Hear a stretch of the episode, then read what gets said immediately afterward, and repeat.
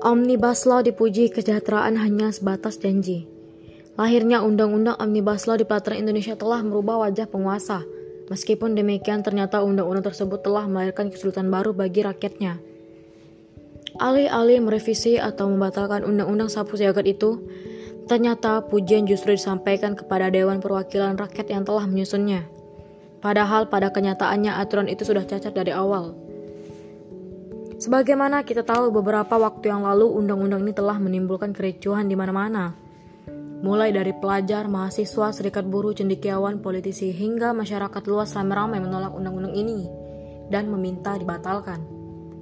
Tidak hanya terluka, korban berjatuhan hingga meninggal pun ada. Bahkan banyak di antara mereka yang ditangkap. Namun bukannya memenuhi tuntutan rakyat tapi malah mendukung dan membanggakan undang-undang sapu jagat itu. Selain itu, juga ada beberapa kecacatan undang-undang Omnibus Law yang berdampak buruk bagi para pekerja. Pertama, pekerja terancam tidak menerima pesangon. Kedua, tenaga kerja asing lebih mudah masuk dalam negeri. Ketiga, batasan maksimum 3 tahun untuk karyawan kontrak dihapus. Keempat, jam lembur bertambah dan cuti panjang hilang. Dengan demikian, nampak para pekerja diforsir tenaganya, sedangkan haknya tidak dipenuhi. Kelima, dihapuskannya upah minimum juga membuat pengusaha akan semaunya sendiri menentukan upah bagi para pekerja.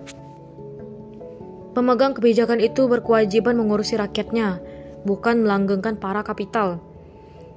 Karena setiap amanah akan dimintai pertanggungjawaban.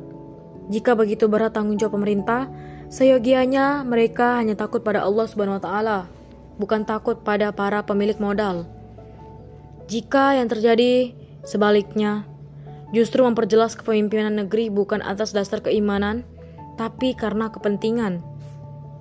Karena hanya materi dan keuntungan yang dikedepankan. Masalah rakyat justru di nomor sekian.